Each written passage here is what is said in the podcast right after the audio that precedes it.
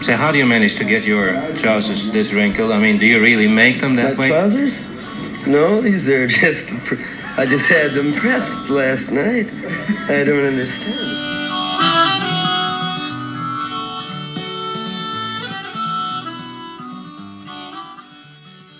Välkomna till Vi snackar Dylan, ett nytt avsnitt kära lyssnare och idag ska vi träffa Arvida Lavida eller Arvida Svenske. Berätta om ditt namn till att börja med. ja. Eh, nej, men jag, jag heter lite så här knasigt på Facebook. heter jag Arvida Lavida bara. För att, ja, man vill inte vara helt öppen med sitt namn. Eh, alla, alla konstiga personer där ute. Eh, men Arvida Svenske är mitt namn. Liksom. Eh, Arvida är ju... Arvida är ju ett rätt ovanligt namn. Arvid är ju vanligare. Varför Ja. Arvida? Nej, men precis. Eh, jo, vi är 13 stycken tror jag i hela Sverige enligt SCB. Eh, för min del så var det helt enkelt att alltså jag, jag föddes ju som Arvid. Eh, men jag bytte till Arvida helt enkelt för att jag känner mig mer som en, en kvinna. Eller det kvinnligt kodade namnet av Arvid då. Så det blev Arvida eh, istället. Och eh, ja, på den vägen är det helt enkelt. Eh, jag kände att det var det var nära mig själv, eh, men inte riktigt. Så jag la till det där extra A1 för att det skulle bli ännu mer för mig. Och, och Lavida då, det betyder ju livet på spanska. Livet, ja men precis. Ja, jo, men det är bara en liten kul grej att det liksom semi-rimmar sådär. På Ja, det är lite swing i namnet. Arvida Lavida. Swing it nice. Ja, precis. Ja. Okej. Du, ehm, hur kom du in på Dylan? Eh, jag kom väl in på det via liksom, vad ska man säga, modersmjölken. Ehm, alltså både mina föräldrar lyssnade mycket på Dylan. De var så, de var från Värmland från början och de var väl så lite så här hippiepunkare typ, eh, 80-talet där. Ehm, och sen har jag alltid liksom fått höra Dylan hemma och så. Um, framför allt var det väl Desire, de tidigaste minnena tror jag. Eh, Hurricane liksom. Och alla de här vackra eh, One More Cup of Coffee och Sarah och de här. Och sen så, och så har det liksom bara lagts till där. Det har liksom funnits som ett eh, surr där i bakgrunden. Men så hade jag liksom i 20-årsåldern så ville jag liksom göra Dylan till min egen. Så då lyssnade jag väldigt mycket på alla hans plattor i princip som fanns då. Eh, och återkommer alltid till det. Liksom, för att det är, så, det är så bra. Det är så tidlöst och det finns så många inkarnationer av Dylan. Liksom. Okej. Mm. Du, du hörde ju av dig till mig och sa att du gillar podden. Och, eh, så jag har en fråga till dig som lyssnare av Vi snackar Mhm. Dylan. När och hur ska man lyssna på den här podden? Åh. Ehm, för mig är det mycket ett bakgrundsbrus. Men den har mycket också varit ehm, både när jag åker buss till jobbet till exempel och ibland när jag ligger i badet. Eh, men för mig har det blivit en morgonritual också. Eh, varje morgon när jag sitter själv i köket och laddar om för dagen så klickar jag in något avsnitt och kommer in i stämningen liksom. Eh, och då har jag mest gått på vilka som, låtar som jag har tyckt var intressanta. Eh, nu senast idag lyssnade jag på just Sarah-avsnittet med Thomas Andersson Vi. Ehm, Changing of the Guards också, spännande avsnitt. Eh, Where Are You Tonight? Kul att så många tyckte om Street Legal också, olika låtar därifrån. Eh, och sen Lars Larholm avsnitten har också varit väldigt bra. Ja, kul att få lite t- tips för de som inte har lyssnat Mm. Ja. från, från början. Jag har en kompis som han klagar på "Åh, det är lite segt mellan avsnitten nu. Han brukar sätta på den när han står på gymmet på löpband. Okej. Det är en annan möjlighet. Ja. Ja, okej. Och en annan när han kör över, eh, han säger det, han brukar lyssna när han kör över bron mellan Malmö och Köpenhamn. Okej. Ja. Mm, det känns Du befinner dig i Malmö va? Eller? Var det? Ja, men precis. Ja, så det är en resa jag har gjort. Ja, men det var länge sedan nu, men någon gång om året sådär. Um, jag bor i Malmö, ja. Ehm, jobbar som lärare här, men jag är också poet, journalist, författare. Eh, Har du skrivit lite så. någonting om Dylan? Jag har skrivit en del om Dylan. Jag försöker få in Dylan, liksom eh, låtreferenser och så, texter. Ehm, eh, citat där det passar liksom. Ehm, Och sen har jag översatt ganska mycket eh, låtarna. Liksom. Eh, bara för att det är kul. Eller det är som en grej Berätta som... om det. Vad, vad har du gripit dig an med? Ja, jag har gripit mig an. Jag sitter med nästan hela listan här framför mig. Förutom några som jag har eh, hamnat i andra block och sånt. Men det här är alltså sånt som jag skrivit ner. Tyckte var tillräckligt bra för att skriva ner på, på datorn. Då finns det ju Farewell Angelina. Har jag haft som favorit. Och då har både en Hanna och en Anna fått varsin. Eh, vi har Fast i gamla hjulspår med min pojkrumsblues igen. Stuck inside mobile. Aha. With a Memphis blues again. Okej. Eh, Ja. Sen är det en massa Paths of Victory, segerytor. Eh, Walls of Red Wing skrev jag då när det var aktuellt med det här med Lundsberg. Eh, Kan du förklara hur då? Ja, nej men det var ju, alltså Lundsberg, det var väl när eh, Ondskan, filmen, kom ut om de här eh, privata eh, skolorna som är som internat. Där det är väldigt så här, unga pojkar uppfostrar varandra liksom. Um, och det är mycket så, ja men penalism och så här hård machokultur. Som var en debatt då för några år sedan. Och då eh, tänkte jag att Lundsberg, Red Wing var ju en militärskola va? eh, där Dylan var en kort period. Eh, och jag tänkte, ja, jag satte det i svensk kontext helt enkelt. Okej. Och du har gjort flera låtar? Ja, eh, de mest liksom eh, som satte sig var ju, alltså vi gjorde hela Street Legal eh, från liksom start till slut. Eh, 2009 var det, eh, kollade jag upp igår. Eh, så då var jag ju 17 och det gjorde jag tillsammans med min pappa då. Eh, och han hade ett band som hette Idoiterna. Vad sa du? Eh, Vad heter de? Idoiterna. Det, det var liksom, ja, fast man kastar om liksom. Ja, ja. Idioterna. Okej, ja, ja. De kallar sig för The Idoits och sen så blev det Idoiterna på svenska. Sådär. Ja, det var kanske en, en anledning till att det aldrig tog fart. Det där namnet satte sig väl aldrig. Eh, men eh, vi gjorde det över en sommar då. Så översatte vi alla låtar tillsammans. Eh, 50-50 i princip. Jag eh, tog mig an Where Are You Tonight. Så den så jag ensam som är cred för. Då, liksom. Men eh, We Better Talk This Over fick jag väl aldrig riktigt svung på heller. Det var nog mer min pappa. Men annars var det verkligen 50-50 liksom. Mm. på de låtarna. Och skickade in och fick det godkänt och sådär. Ah. Och finns det någonstans man kan lyssna på det där? Jo, men den ska finnas någonstans. Vi har ju en gammal MySpace, vet jag. Men den finns ju också på eh, både tryckte CD och eh, den finns ju digitalt liksom. Så att den ska nog gå och skramla fram någonstans. Ja, för det, det vore fint när vi lägger ut den här um, podden och får en länk till det. Om det finns Ja. på Soundcloud eller någonting i den. Ja, men det kan vi absolut lösa. Ja, ja. Okej. Och ehm, då ska vi snacka om me. Everything went from bad to worse. Money never changed a thing. Death kept following, tracking us down. At least I heard your bluebird sing. Now somebody's got to show their hand. Time is an enemy.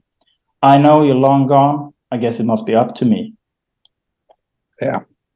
Du, vi, ska snacka om texten och rådbråka Mm. den. Men vad- vad är det för en låt? Vad får du för intryck av det här? Hur känns det när du lyssnar på den? Mm. Alltså för mig så eh, hörde jag den här först på det som hette Blood on the Tapes. Den kom ju 97. Eh, och det är väl en sammanställning av hans New York-inspelningar till då Blood on the Tracks. Eh, och jag tror att datumet står här eh, 19 i 9 74 står det på det jag har framför mig. Som då är Take Two Remake 3 på den här. Ehm, för mig då, jag var ju 20 år när jag hörde den och lyssnade på den liksom på repeat flera dagar. Eh, och alltså, det var, kändes som att det här är det närmsta man kan komma Dylan. Eh, det känns som att han har rivit ut dagboksanteckningar, att det här är liksom det råa eh, bakom Sarah och till och med det råa bakom det väldigt råa Blood on the Tracks. Det var så det slog mig från början, liksom, att det här är liksom the real deal. Eh, det här är något som han inte ens vågat ta med på sin mest sårbara platta. För att det är så äkta liksom. Everything went from bad to worse. Money never changed a thing.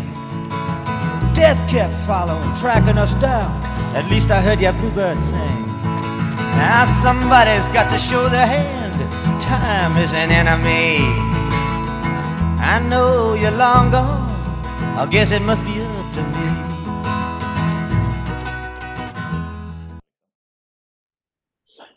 Så att för mig var det väldigt, väldigt starkt. Eh, och bara tänker jag är en liksom så här känns det att vara med om en tuff skilsmässa. Och så här känns det att skiljas från något som man har varit väldigt starkt förknippad med och slängas ut i livet igen.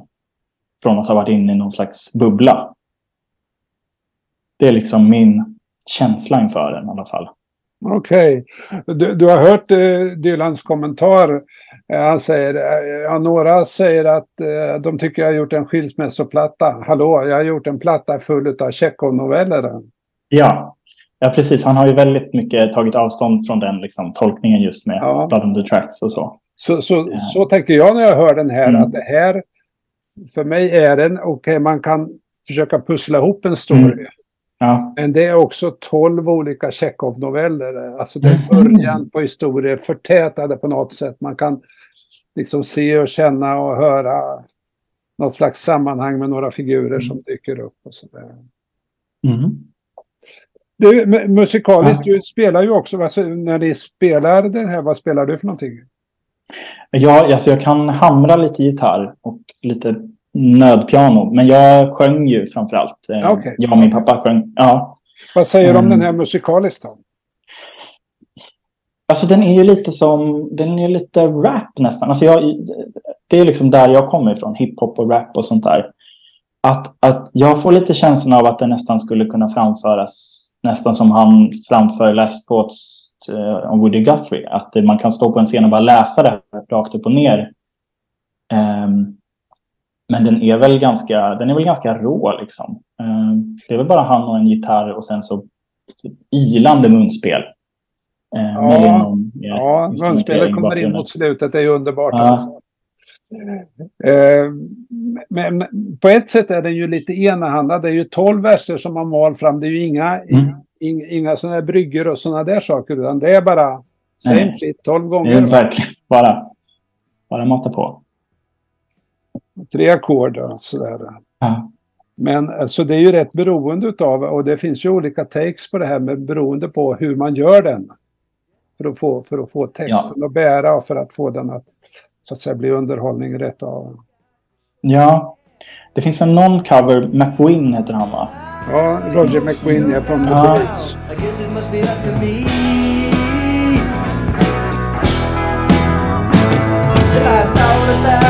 Never would have done it. I guess I would have let it slide.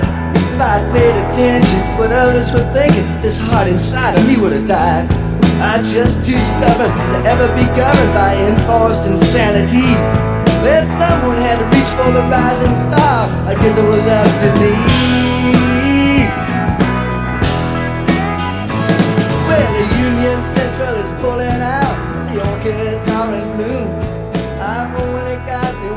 Left. just det. Um, han har gjort den två gånger.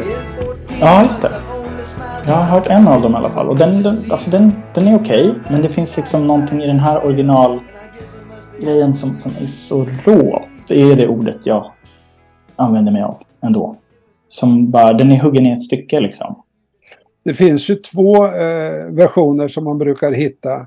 Dels eh, Take One är det väl som är på Biograph som publicerades 1985, den stora samlingsskivan med fem LP. Som var en föregångare kan man säga till de här eh, bootleg-serien. Eh, och sen en annan Take Two. Som, är det någon av dem som du föredrar? Jag är en Take Two kind of girl, måste jag säga. Eh, Take Two Remake 3. Eh, ah, och varför då? Ja, men det är nog något med det här att, att det, är, det var ju, någon, något, var ju någon, något skimmer över de sessionerna där i New York till, till Blood on the Tracks som bara var att det här måste ut liksom, oavsett vad, känns det som. Och, och det kommer ut liksom. Och det blir så här. Och det behövs inte petas på liksom. Det är den rena känslan som kommer ut. Mm. Okej, okay, ska vi snacka lite om texten? Nej, vi, mm. jag tror vi tar lite grann om, om sammanhanget, alltså skivan Blood on the Tracks. Mm. Eh, vad är din bild av det albumet? Ja, men det är väl det här att han är väldigt vilsen på ett sätt när han, han skriver det. Eh, han har ju varit då eh, 60-talsikonen, börjar bli nästan lite gammal gubbe i de kretsarna. Han har också provat på det här Woodstock-livet då med, med Sarah och barnen och gjort de här lite goofy plattorna med, med The Band eh, som blev Basement Tapes och även Self-Portrait och de här. Eh, men också New Morning och sådana som verkligen är liksom, bra också. Eh, mm, men han... Det är, det, jag läste någonstans att det här är typ en tid när han åker tillbaks till Greenwich Village för att gå de gamla gatorna och liksom se om han känner igen sig i känslan som fanns då. Men han hittar liksom inget där och alla har flyttat och folk har liksom dött i överdoser och det har liksom, drömmen har spruckit på något sätt. Eh, så då slängs han ut i den kalla verkligheten igen då som han har kunnat komma ifrån då med, med hjälp av familjen och framförallt Sarah. Eh, så han är liksom lite naken ut igen och måste återuppfinna sig själv och sin musik på något sätt. Eh, och han har ju gjort den här dubbel-LPn Self Portrait som verkligen fick ja. dåligt mottagande. Ja. Och jag ja, tror att eh, Basement Tapes har inte kommit ut ännu här så att hans, hans karriär är ju inte i någon vidare skick här nu alltså. När han gör denna nej, eh, skiva som ju anses av väldigt många som hans allra bästa. Ja. ja men det är hans revansch på något sätt och det hör man ju både i, i hans um, i liksom låtar som Idiot Wind till exempel, att det är någon slags återhållen vrede som han liksom, nu slår jag tillbaka på något sätt.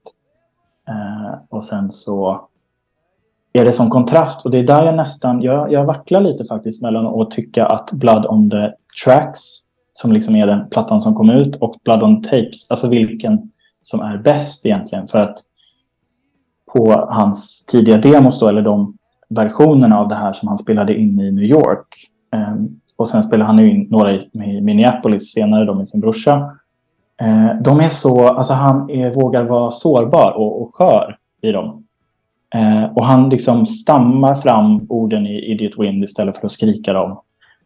och han, eh, ja, men han, han är sökande på något sätt och är väldigt naken. Och det, någonstans att han skulle ha på något sätt någon förflugen kommentar från någon att han först tänkte ge ut de här New York-sessionerna då. Och så fick han höra att ah, det här låter ju som ett Johnny Mitchell-album. Och det var, att det var det som skulle få honom att ändra sig eh, till eh, att nej, men vem måste göra de här sångerna på nytt liksom. Ja. För att annars är ju en annan story är ju det att Dylan han gör som han vill och många tycker mm. att han har gjort fel beslut i, när han väljer låtar och sådär. Men här åker han ju till sin brorsa David i eh, Minneapolis och, mm. och brorsan säger att vi får ha ett kompan och han ringer ihop ett band. Så att halva, hälften av låtarna är ju då med ett rockband. Mm. Okej, okay, men nu finns, ju, också, nu finns ja. ju allting tillgängligt, eller hur? På den, det här uh, More Blood, More Tracks. Mm. Versionen, så att man kan, de som vill fördjupa sig och jämföra. Ja, Okej, okay, men uh, ska vi kika lite mer på Up to me? Jag tänker mig så här att eh, som han skriver det här, va? Han, jag tänker mig, och det är rätt fascinerande att fundera, hur gör Dylan när han skriver, det bara kommer och han kan klottra ner en låt på tio minuter i inspelningsstudion och sådär. Men här, min bild är ju att han har en sån där punchline, It's up to me. Och så kommer det då eh, fyra rader innan dess och så kommer den där I guess it must be up to me eller I guess it was up to me och så vidare. He said it was up to me. Så att, helheten för mig är allting vilar på mina axlar. Det är, en, det är en massa problemsituationer och gåtor som man ställs inför och det är upp till mig att lösa det hela. Och, och jag får bilden av att han är, han är på sätt och vis rätt handlingsförlamad. Händer det någonting eller blir han paralyserad av att det där oket han har? It's up to me everything. Eh, Mm. Och så, ja, tolv verser. Men så, vilken är din favoritvers? Ja, jag satt och försökte avgöra det. Det finns ju många som är väldigt, väldigt bra. Men jag får nästan gå på det som har be- betytt mest för mig personligen var ju vers 6. Men men vi kan, vi kan eh, ta några innan där. Och sen eh, så sista versen är ju, Okej, den kan man ju trycka på en t-shirt. vi kan vänta med det. Men, Men vers kan 6, vänta med dem. kan du läsa upp den? Vi, vi hoppar till vers 6. Um, the only decent thing I did when I worked as a postal clerk was to haul your picture down off the wall near the cage where I used to work. Was I a fool or not to protect your real identity? You look, looked a little burned out, my friend. I thought it might be up to me. Ja, vad är det här för någonting? Ja, för mig så var det personligt för att eh, då jobbade jag på posten just. Ehm, så då kände jag igen mig mycket i, i att liksom jag, jag får inget gjort. Inget, inget av det jag gör nu är bestående. Liksom. Jo, breven kommer fram som de ska, men jag står stilla och, och i mig får jag ingen release. Liksom. Så jag kunde känna igen mig i det, att man vill bara Du sitter ner där och det. jobbar och jobbar och Ja. sorterar Ja. brev eller vad du gör. Ingenting Ja. händer. Gör Ja. jag något vettigt överhuvudtaget? Precis. Gjorde, gjorde du något? Alltså, vad är det Ja, men jag skrev ju massa, jag skrev ju massa eh, Dylan-översättningar. Och lyssnade på den här på repeat. Du kunde det göra det på jobbet, va? Ja, det är fantastiskt. var det som var vettigt. Jag har en Ehm, kompis som jobbade för länge sedan på posten i Stockholm och sorterade brev. Och så var en gång kulturminister eh, Bengt Göransson på besök där. Så, och han gick och frågade, och, och vad jobbar du med? Ja, Jag är poet, vad jobbar du med? Jag är konstnär, vad är du? Vad jobbar du med? Jag är författare. Nästan allihopa hade sådana kulturjobb som jobbade på mm, postsorteringen. Så, just det. okej. Ja, det är en klassiker. mm. Ehm, men sen tänker jag i hans text också är det ju det här Was I a fool or not to protect your real identity? Det tänker jag handlar om Sad-Eyed Lady of the Lowlands. Att han frågar sig själv att borde jag liksom ha varit mer öppen mot dig då Sarah tidigare? Eh, eller var det bra liksom? Eh, och han tänkte att liksom det var ändå upp till mig att ge ut den sången och det var säkert lika bra som, som hände liksom. Ah, ja, ja, ja. Men innan den raden så kommer ju Was to hold your picture down. Alltså det är Mm. väldigt... Han river ner den här bilden från, från väggen. Eh, och, och, det, och han sitter och jobbar i en bur. Va? Mm. Och, och, och för mig så kan det vara två saker. Antingen så kan det vara eh, så här att eh, någon annan har satt upp den där bilden och han river ner den. Han vill inte att andra ska se den kanske. Eller så har han själv satt upp den och smärtan i separationen att han inte når fram till den här eh, älskade eller beundrade kvinnan eh, står han inte längre ut med. Så river han ner den. Så att säga. Det, det är ett dramatiskt gest det där. Just det. Att han tar ner henne från piedestalen på något sätt kanske. Ja. Ja. Ja, men den sitter ju som en... Was I a fool or not to protect your real identity? Ja. Det kunde ju vara så där.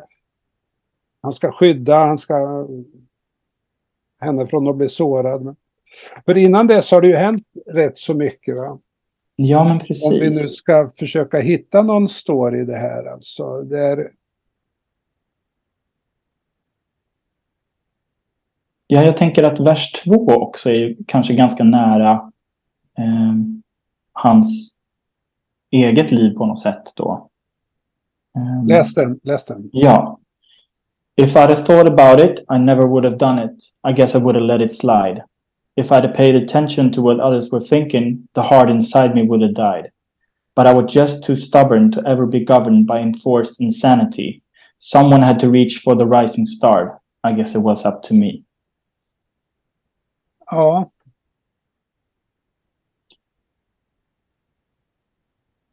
Då tänker jag att det är det här att det, att det liksom är väldigt många som har tyckt till och eh, har sagt vad han ska göra och tänka och känna. Och om han hade lyssnat på alla de kritikerna och välmenade kommentarerna och knasiga grejerna så hade han blivit galen. Liksom. Så han var tvungen att, att gå sin egen väg. Ja, alltså det är ju hans sätt att oerhört förtätat få fram en rätt komplicerad verklighet. Eh, om jag Mm. skulle bry mig om vad andra tänkte så skulle mitt hjärta dö. Och jag är Ja. alldeles för envis för att bli styrd av governed by enforced insanity. Just det. Och där har han ju också i den raden ett roligt inrim. I was just too stubborn to ever be governed by enforced insanity. Så att det, det, det där flätandet kom ju där. Och så kommer Precis, det och det... Ja. Uh, someone had the reach for the rising star. Och det är klart att det kan man ju koppla till hans biografi. Eh, med, med folk som tycker si och så att han ska göra så där. Men someone had to reach for the rising star. Och det är bara han som vet hur han vill göra det. Han kan inte lyssna på andra. Nej, precis. Att om man kan tänka att The Rising Star kanske var liksom andan på 60-talet eller de möjligheterna som de artisterna fick. Ehm, och den här tron på att man kunde, man trodde ju verkligen att man kunde skapa en ny värld liksom i det här. Det som sen blev liksom hippierörelsen och sånt där. Att det var liksom Age of Aquarius på något sätt. Det skulle starta en ny tidsålder. Ehm, tänker jag på också. Så de första två verserna är ju rätt så allmänna, men i den tredje så är det ju som att nu kommer någon slags story som är situerad i tid och plats nästan va? Mm. Och the Union Central is pulling out. Och då kan man ju undra, vad är Union Central? Har du en aning om det? Ja, jag, jag tänkte bara att det var liksom Grand Central Station, någon, att det är någon slags gammalt tåg eller något godståg eller Ja, något. Att det ja, är ja. en stor... Jag googlade på det där och jag fick jag för mig att det var amerikanska LO. Och någon annan föreslog att det var ett försäkringsbolag som hette Jag, jag, googlade också, det var väldigt förvirrat vad, vad det skulle vara. Liksom. Men det skulle kunna vara så, du vet. Bob han har ju ofta sådana här om, om, om eh, criminals och så vidare. Så det skulle kunna vara ett fängelse också. Som, som jag ser det. det. Man får ju olika bilder va. Mm. Han drar sig ut, han släpps ut. The orchids Ah. are in bloom, det blommar omkring honom. Och sen så säger han så här, I've only got me one good shirt left and it smells of stale perfume. Alltså, han har bara en skjorta. Och stale betyder väl att det är lite gammalt unket. Va? Så. Ja, Alltså, jag tänker sig att det är otvättat eller... ja, du vet, han kommer där med en skrynklig skjorta. Vad ska han Ja. göra? Sen kommer ju in 14 months, I've only smiled once. Där kommer ju också det där inrimmet months och once. Va?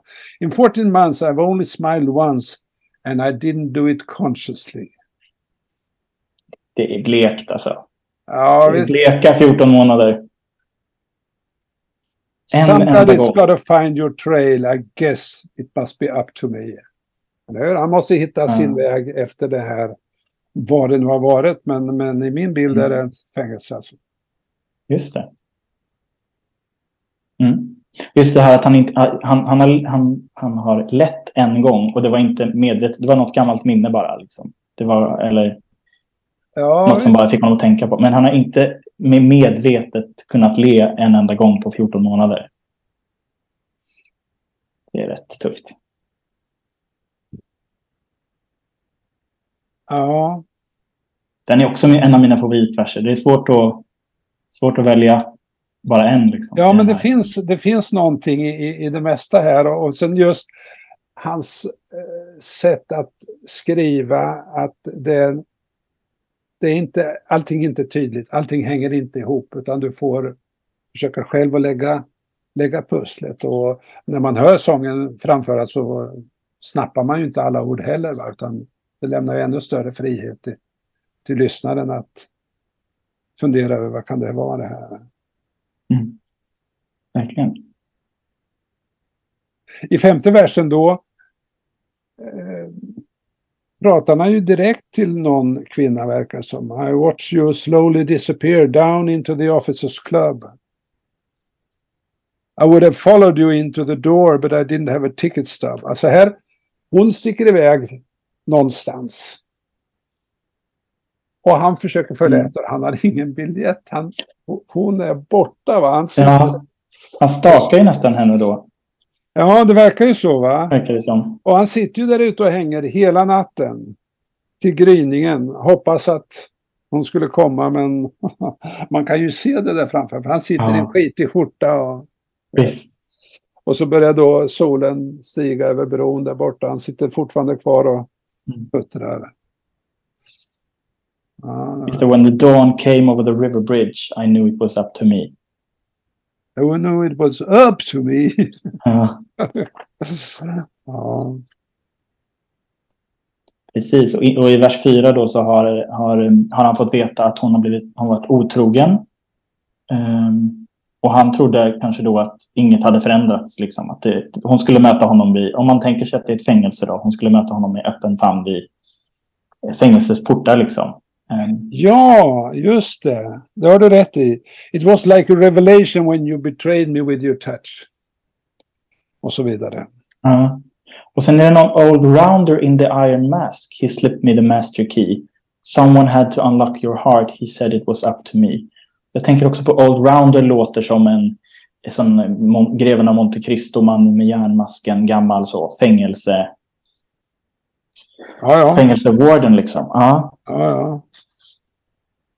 Tänk, tänk, tänk om man får den där, du, du, han släpps ut, han har visst Ja. hopp, han, han känner sig lite så- out of place, men i alla fall så låser någon sån här typ upp och så får han utav honom veta att du har blivit bedragen.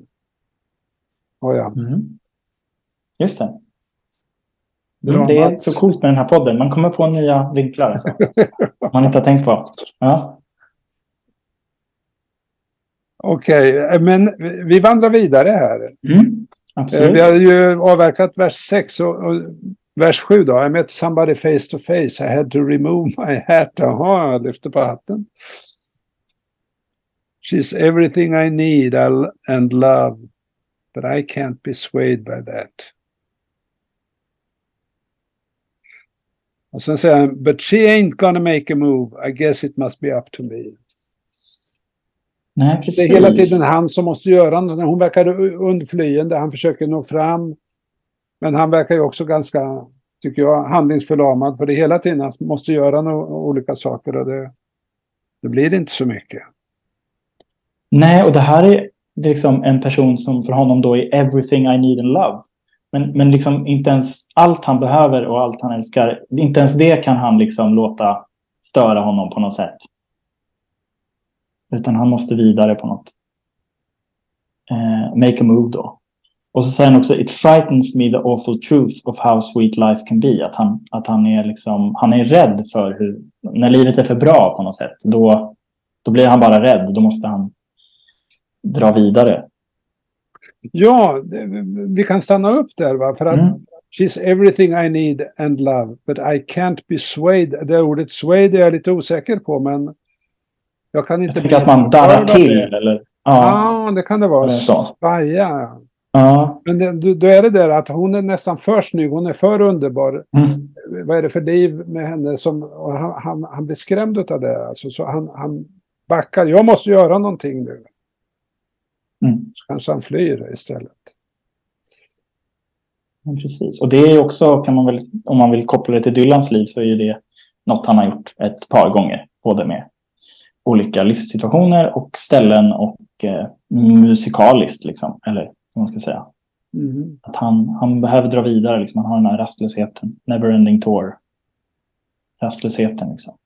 Men du, ska vi ta det här? Jag brukar ju försöka bekämpa det biografiska perspektivet ibland. När Man, dras, Okej. man dras ju ständigt in i det. Ja. Det är klart, alla konstnärer de hämtar ju från sitt liv. Mm. Men det är ju inte därför att de vill avslöja sig själva utan det är ju därför att de vill ge oss någonting va, som är allmänt. Visst. Så ja, det där, det, det, det där är knepigt tycker jag. Ja. jag menar, han, han, gör ju väldigt, han är väldigt medveten om också hur det ska mottas. Även en sån här låt som han aldrig då gav ut. Det känns som att han, han man ser det också när man, han blir intervjuad i, i den här dokumentären då som Martin Scorsese gjorde nu för Rolling Thunder Review. Att, alltså han, han har så mycket saker som skramlar i sitt huvud att han, han, han, hans liksom standard vokabulär är fylld av citat och plurigheter och så. Och det känns som att han har liksom jobbat in det i sina låtar också och ger ju blinkningar ibland till sitt eget liv och ibland tar han helt avstånd och säger att det är en Tjechov-pjäs och ibland så är han mystisk och sådär. Och ibland så ljuger han ju eller ger liksom villospår. Eh, så. Eh, men han, eh, i vers 8 så är det ju också, det är ju en, ehm, ett förstadie då till någon som, som kanske är på väg att, att träffa Gud. Ja, läs upp versen. Ja. Now we heard the sermon on, on the mount and I knew it was too complex. It didn't amount to anything more than what the broken glass reflects. When you bite off more than you can chew, you get to pay the penalty. Somebody's got to tell the tale. I guess it must be up to me. Ja, och den här Sermon on the Mount, alltså Jesu predikan, säger han den var alldeles för komplex, men det var, mm. den, den, är ju inte komplex. Det är ju väldigt, väldigt enkel ja. berättelse som i princip är svår att missförstå. Så hur tar du det där? Mm. Jag tänker på att det kan vara, alltså man kan ju ha liksom hört låtar eller, eller poesi eller någonting Eh, men till exempel, eh, jag kommer ihåg någon gång när jag var väldigt, väldigt nykär så hörde jag Something tells me I'm into something good, Herman and Hermits. Men jag hörde den för första gången. Att jag verkligen förstod orden. Att så här, ja, det är precis det här som är på väg att hända. Eh, och jag tänker att, att det kan vara att han liksom har kommit i kontakt med, med Bibeln eller med Jesus ord. Men han har liksom inte, han har förstått, jo man ska titta på liljorna, man ska tänka på the birds and the beasts och sånt. Men, man, men han förstod det inte i, i, i sitt eget liv kanske. Var inte fokuserad nog att ta emot det. Tänkte jag nog. Och, och igen i hans eget liv, han blir ju väldigt starkt predikande då. Under, en, en under några år alltså. Då mm. var det ju inte komplext, allt för komplext för honom utan då var det glasklart. Ja, då var det verkligen. Verkligen. Han blev ju inte mjuk kristen liksom där. Men du, det var ju kul att höra dig citera Herman Hermits. Alltså vilket ja. år är du född? 1992. Ja, den, den uh, I'm into something good, det var väl en hit 1964 skulle jag tro. Ja. Ja jag, hur ja, kom du på att lyssna på den? Ja, hur kom jag på att lyssna på den? Nej, men jag har ju det där, alltså, som med, med Dylan och med alla de här klassiska 70-tals, 60-talsmusiken. Eh, men, men sen från min pappa då. Alltså mitt, mitt vad ska man säga, populärkulturella arv består väl ganska mycket av musikaliskt då, alltså 60-70-talsmusik. Eh, Alltifrån då, ja sådana vissångare som Dylan och Cohen och, och de här eh, i ena änden, Led Zeppelin, Black Sabbath kanske i andra änden och sen soul och reggae och sådär. Um, och sen så har väl den slunkit med via kanske, det är väl lite Beach Boys-tider kanske, går tillbaks åt det hållet. Um, man kan säga att jag har gått djupt åt i två ändar från om man håller sig till 60-70-talet som en mitt. Dels har jag gått bakåt till sådana 30-talsslagers 40-talsslagers med Karl Gerhard och Ernst Rolf och sådana där. Eh, och sen så har jag gått mycket in i hiphop, liksom, på 90-tals hiphop framförallt. Du, eh, när jag lyssnade på Up to me här så tänkte jag ja. på, på, på därför att just det där med en punchline och sen en liten berättande ja. vers innan den och så är de lite olika. Så, ja, det, var en association. Ja, varför inte? Och hiphop är också mycket så att man liksom ja. 16 rader och sen bam. Så det finns något med det där. Och Dylan har ju sagt att han gillar hiphop också. Han gillar den här mycket ord, associationer och att det ja, men ordmassorna liksom. Ja, han kan det där med ordmassor, han kan det där mm. med att pratsjunga så att ja. han har förebådat mycket. Nu ska vi börja ja. eh, samla ihop oss lite grann här. Eh, var är vi någonstans? Nu, nu, Vi- nu börjar han ju... eh, I nionde versen så är det ju som... Han ser ju mycket på film va? och här får man se... Han målar upp en scen. Dupree came in pimping tonight to the Thunderbird Café. Crystal wanted to talk to him. Han introducerar ju några nya personer här alltså som... Ja, vad är det här för någonting? Vad har det med det förra att göra? Men Ja, och det är här då man, man kanske ska hålla sig ifrån just em, det biografiska tolkandet. För här satt ju jag som 20-åring och ville hitta vem är Dupree? ja, Eh, Vem var Crystal? Är det täckord för någon annan? Men här tror jag nog faktiskt att det, det mest är liksom en, en, bara en scen.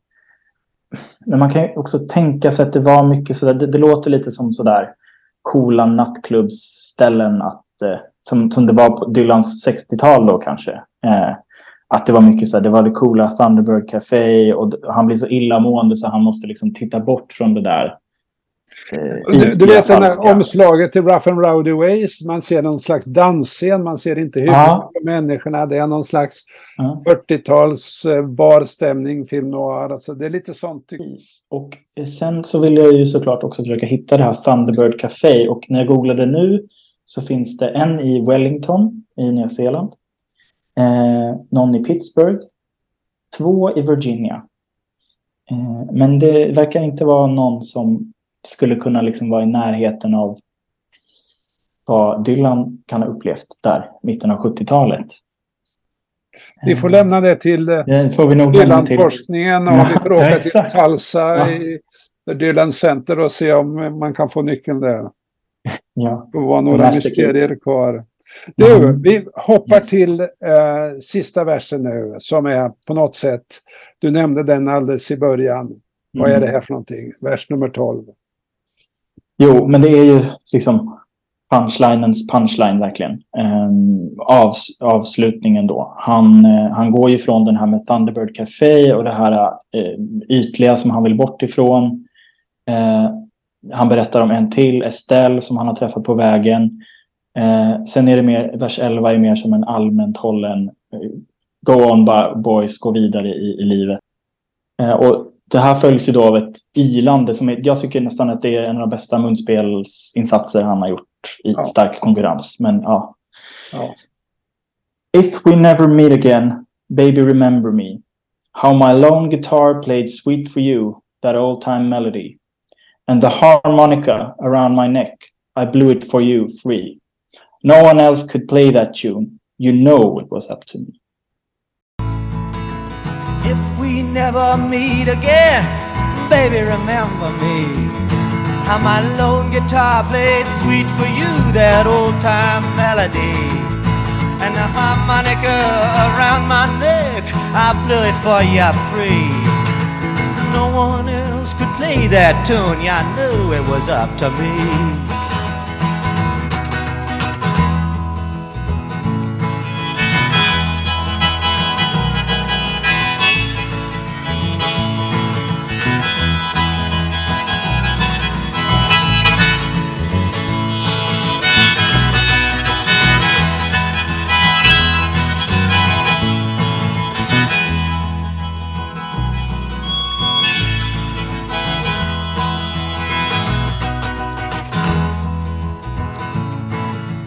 Just det. Ja. Vad får du för bild? Men då får jag väl från att han liksom... Återigen det här med att han har någon slags utstakat öde. Att det var bara han som kunde se de där nyanserna i, i de protestlåtarna 60-talet. Kunde se vad som bubblade i liksom samhället och i USA och, och få ut det på det sättet han gjorde. Eh, det var ju uppenbarligen bara han som kunde skriva sådana låtar eh, just där och då. Och då, till slut helt enkelt så, så var det, han drevs väl av, av att få framföra musiken men han drevs också av kärleken då till ja, någon kvinna. Ehm, och att han, han, gjorde, han dedikerar egentligen liksom, alla låtar har jag någonsin spelat, de har jag spelat för dig. Och det var bara jag som kunde göra det. sydeuropa. Jag var tvungen ja, på något sätt. För, för, det är ju tillbaks till när han kommer till New York i början på 60-talet med mm. det här äh, hemgjorda munspelsstället om halsen. Ja. ser honom ur sin Manchester-keps och så vidare. Mm. Eh, så, så, en tolkning är ju, om man vill ha den bilden, alltså att han har lämnat någon flickvän i Minneapolis eller Duluth eller Hibbing eller vad det är. Och mm. eh, allt som har sjungit och spelat så är det för dig. Men det kan ju också vara riktat till publiken. Mm. Ni kanske lämnar mig, men om ni ser mig igen så kom ihåg allt det här spelar jag för er. Mm. Just det. Och, och, och, nu när vi har då 2022 och, och har det här Rough and Rowdy Ways så en av låtarna där som har gjort starkast intryck på mig det är ju den här I made up my mind to give myself to you. Mm. Som kan vara riktat till en kär person men kan också vara här har ni publiken, ni får allt. Just det. Ja, så kan det verkligen vara. Och, och jag håller med dig om det här munspelssolot mot slutet, för då, då kommer man verkligen tillbaka till den tidiga Dylan tycker jag, när man hör det där. Det finns den, mm. den skärmen i det. Mm. Ja, men man märker all, alla dagar han I glowed my lungs out for a dollar a day. Eh, det kommer liksom ut här. Alla munspelssessioner. Du eh, Arvida, det var väldigt roligt att prata med dig här och eh, I guess it was up to you. Så ta upp den här låten. Ja. Eh, och jag måste erkänna att jag hade den inte alls i huvudet utan jag var tvungen, vad var det där? För, för Biograph var ju en jätteviktig skiva för mig när den kom 85. För mig var det att komma tillbaka till Dylan då, då efter att ha släppt honom ett tag. Så eh, stort tack för det här samtalet. Tack själv.